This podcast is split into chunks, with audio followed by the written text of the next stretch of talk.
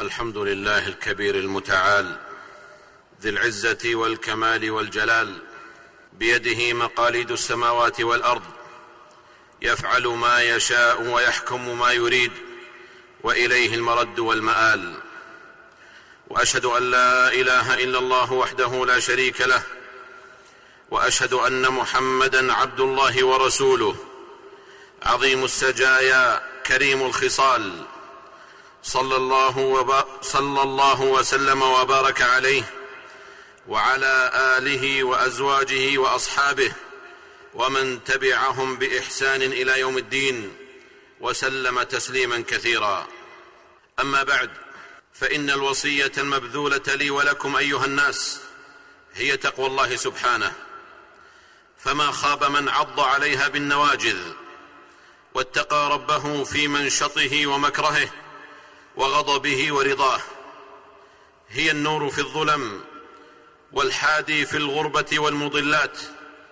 ومن يطع الله ورسوله ويخشى الله ويتقه فأولئك هم المفلحون. أيها الناس إن من أهم سمات المجتمع الناجح المتكامل أن يكون في بنيانه متماسكا تجمعه لبنات مرصوصة تمثل حقيقة أفراده وبنيه. لا تختلف فيه لبنة عن أخرى ولا فرق فيها بين ما يكون منها أسفل البناء لأي لبنة من لبناته فإنه التفكك والانفطار ما منه بد. فضلا عن أن هذا بداية تساقطه شيئا فشيئا وهذه هي حال كل مجتمع وواقعه. ولذا فإن المجتمع إذا لم يكن كالأسرة الواحدة في ترابطه وتعاهد بعضهم بعضا وأن يسمع الشريف للوضيع والغني للفقير والكبير للصغير والا يشعر أي فرد بين المجتمع أنه إنما يعيش وحده كالعيس في البيداء مهما كان بين ظهراني أمة مترامية في بقعة واحدة. نعم إنه إذا لم يكن المجتمع بهذه الصورة إذا لم يكن المجتمع بهذه الصورة فإنه يأذن لنفسه بالنفرة والتفرق ويمهد الطريق لمعاول الأنانية والأثرة وعدم الاكتراث وعدم الاكتراث بالآخرين وما قيمة مجتمع الهدم فيه أكثر من البناء. إنه مهما بلغت الدول من العظمة إنه مهما بلغت الدول من العظمة والثروات والتقدم الاقتصادي فلن يكون ذلكم وحده. فلن يكون ذلكم وحده كافيا في تلبية جميع رغبات أفرادها وتحقق جميع تطلعاتهم لحظة الاحتياج فضلا عن تحقيقها على الدوام. وهنا يأتي دور المجتمع المترابط المتماسك. حينما تذكى بين جنباته روح العمل التطوعي الذي يعد ركنا أساسا من أركان رأب صدع الشعوب المادي والاجتماعي والغذائي والأمني والفكري وغير ذلك من الضرورات والحاجيات والتحسينات. إنه حينما يعم العمل إنه حينما يعم العمل التطوعي جنبات المجتمع ويفرض نفسه شعورا ساميا لذويه وبني مجتمعه ليقضين على الاثره والشح والاحتكار والمسكنة. شريطة ألا تغتال صفاءه أبعاد مصلحية أو حزبية أو إقليمية. وليس هناك حد لمن يحق له أن يستفيد من العمل التطوعي فالنبي صلى الله عليه وسلم يقول في كل كبد رطبة أجر. رواه البخاري ومسلم. العمل التطوعي عباد الله لا يحد بحد ولا ينتهي بزمن. وامتداد حده بامتداد طبيعته. فكل عمل احتسابي لا نظرة فيه للأجرة والمنة فهو تطوعي إذا كان في وجه خير. وهو وهو ممتد ومتسع بامتداد واتساع كلمة خير. وهو هنا يختلف بعض الشيء عن العمل الخيري لأن العمل التطوعي يكون بالمبادرة قبل الطلب بخلاف العمل الخيري فإنه في الغالب لا يكون إلا بعد الطلب وكلا العملين وجهان لعملة واحدة محصلتهما بذل المعروف للناس بذل المعروف للناس دون أجرة أو منة وإنما احتسابا لما عند لما عند الله. وإنما احتسابا لما عند الله. إنما نطعمكم لوجه الله. لا نريد منكم جزاء ولا شكورا. إن كل عاقل يدرك أن قيمة المجتمعات يدرك أن قيمة المجتمعات في نهوضها والحفاظ على نفسها من التهالك والتصدع ويدرك أن العمل التطوعي مطلب منشود في جميع الشرائع السماوية والوضعية في الإسلام وقبل الإسلام. وهو علامة بارزة على صفاء معدن صاحبه ونخوته وعاطفته ولطفه لأن هذه صفات لأن هذه صفات من خلقهم الله حنفاء ولم تجتالهم الشياطين ولم تجتالهم شياطين ولم تجتالهم شياطين الأنانية وحب الذات. ولا أدل على ذلكم من قول خديجة رضي الله تعالى عنها تصف حال النبي صلى الله عليه وسلم قبل البعثة حينما جاءها من غار حراء يرتجف بعد أن رأى جبريل عليه السلام فقال لها لقد خشيت على نفسي. فقالت له كلا أبشر فوالله لا يخزيك الله أبدا. والله إنك لتصل الرحم وتصدق الحديث وتحمل الكل وتكسب المعدوم وتقري الضيف وتعين على نوائب الحق. رواه البخاري ومسلم. وإن مما يؤكد أن العمل التطوعي فطرة سوية في الإسلام وقبل الإسلام ما ذكره حكيم بن حزام رضي الله تعالى عنه لرسول الله صلى الله عليه وسلم حيث قال له يا رسول الله أرأيت امورا كنت أتحنث بها في الجاهلية من صدقة أو عتاقة أو صلة رحم أفيها أجر؟ فقال رسول الله صلى الله عليه وسلم أسلمت على ما أسلفت من خير رواه مسلم. هذه هي سعه الإسلام وسماحته ورحمته إنه الحث على البر والتعاون عليه وتلمس احتياجات الناس. والعمل التطوعي إنما هو ترجمان لصورة من صور الإسلام الراشدة الراشدة الخالدة التي تتصف بالشمولية وتنوع مجالات العمل التطوعي. لتشمل الأهداف التنموية ففي المجال الاقتصادي يمثل العمل التطوعي الاهتمام الدقيق من خلال بذل الأوقاف وتفعيل الوعي للأنشطة الوقفية. لأن لها اثرا بالغا في تنمية الاقتصاد حيث تتسع الحركة المالية مع حفظ الأصول المثمرة من الاندثار. وقولوا مثل ذلكم في المجالات المواكبة ومسابقة الزمن واستقطاب الكفاءات وإنشاء مكاتب الدراسات والبحوث التي تعنى بحاجات المجتمع وحلولها. وتطرح الدراسات العلاجية والوقائية من خلال توعية المجتمع بقيمة العمل التطوعي وأثره في التقارب الاجتماعي المعيشي والإحساس الديني. ولو نظرنا نظرة خاطفة إلى مجال واحد من مجالات العمل التطوعي وهو سد العوزة والفقر وإكساب المعدومين لوجدنا أن الذي ينفقه الموسرون لوجدنا أن الذي ينفقه الموسرون على الترفه والتحسينات ربما سد حاجة فقراء بلدة بأكملها. ولو نرى واتقاء للعين والحسد والعقوبة على السرف والبذخ وآت ذا القربى حقه والمسكين وابن السبيل ولا تبذر تبذيرا. إن المبذرين كانوا إخوان الشياطين وكان الشيطان لربه كفورا. هذا هو ديننا. وهكذا علمنا نبينا صلى الله عليه وسلم إنه يريد منا جميعا أن نكون أيادي خير وبناء وسداد. نعمل ولا نقعد ونشعر بالآخر لا نصم عنه ونعمى. فقد قال رسول الله صلى الله عليه وسلم على كل مسلم صدقة. قيل أرأيت إن لم يجد؟ قال يعمل بيديه فينفع نفسه ويتصدق. قيل أرأيت إن لم يستطع؟ قال يعين ذا الحاجة الملهوف. قيل له أرأيت إن لم يستطع؟ قال يأمر بالمعروف أو الخير. قال أرأيت إن لم يفعل؟ قال يمسك عن الشر فإنها صدقة. رواه البخاري ومسلم.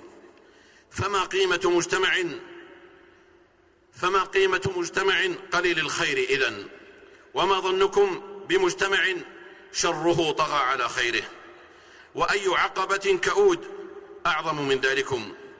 ومن هو التقي النقي الذي سيقتحم هذه العقبة؟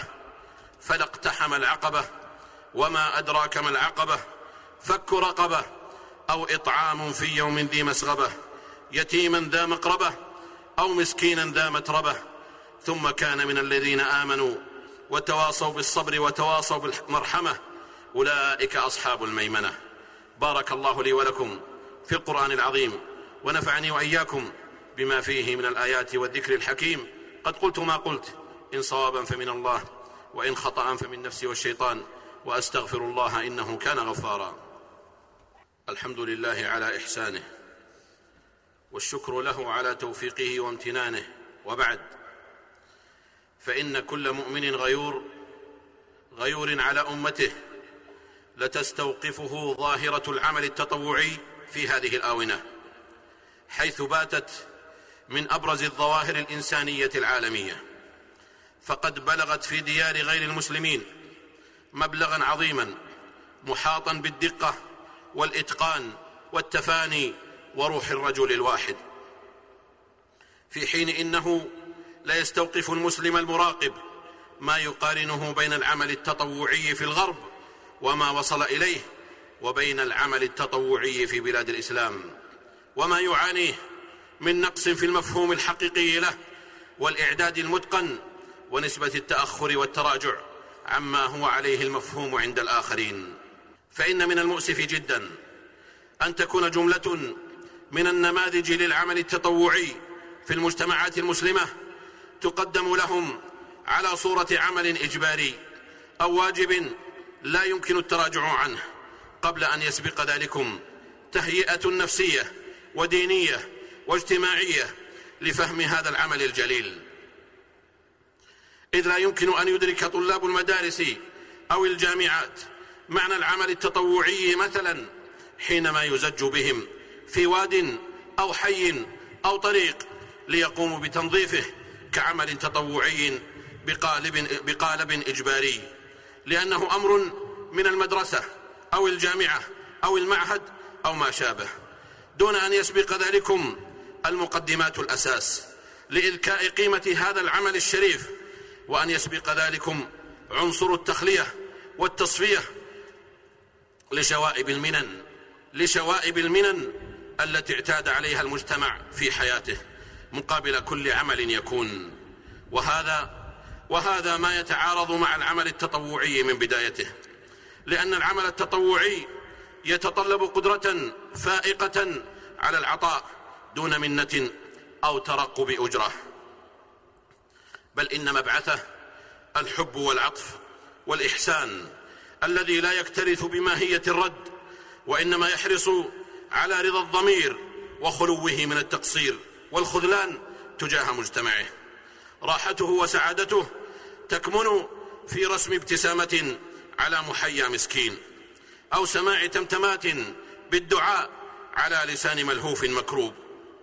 ولا يمكن لنا أن نتصور حبا بلا عطاء ولا أن نتصور عطاء بلا حب كما أنه لا يكون مكتملا ناجحا دون أن يكون عملا مدروسا ومنظما يعمه الفهم والإدراك للدوافع والمهارات والمقومات الشخصية والمبادئ المعرفة بالعمل التطوعي ونبله وأثره على المجتمع المكون مني ومنك ومن والدي ووالديك وقرابتي وقرابتك وجيراني وجيرانك. والمجتمع الناجح الكريم والمجتمع الناجح الكريم البار هو من لا ينتظر أحدا يقول له أعطني. لأن يده تسبق سمعه وفعله يغني عن قوله.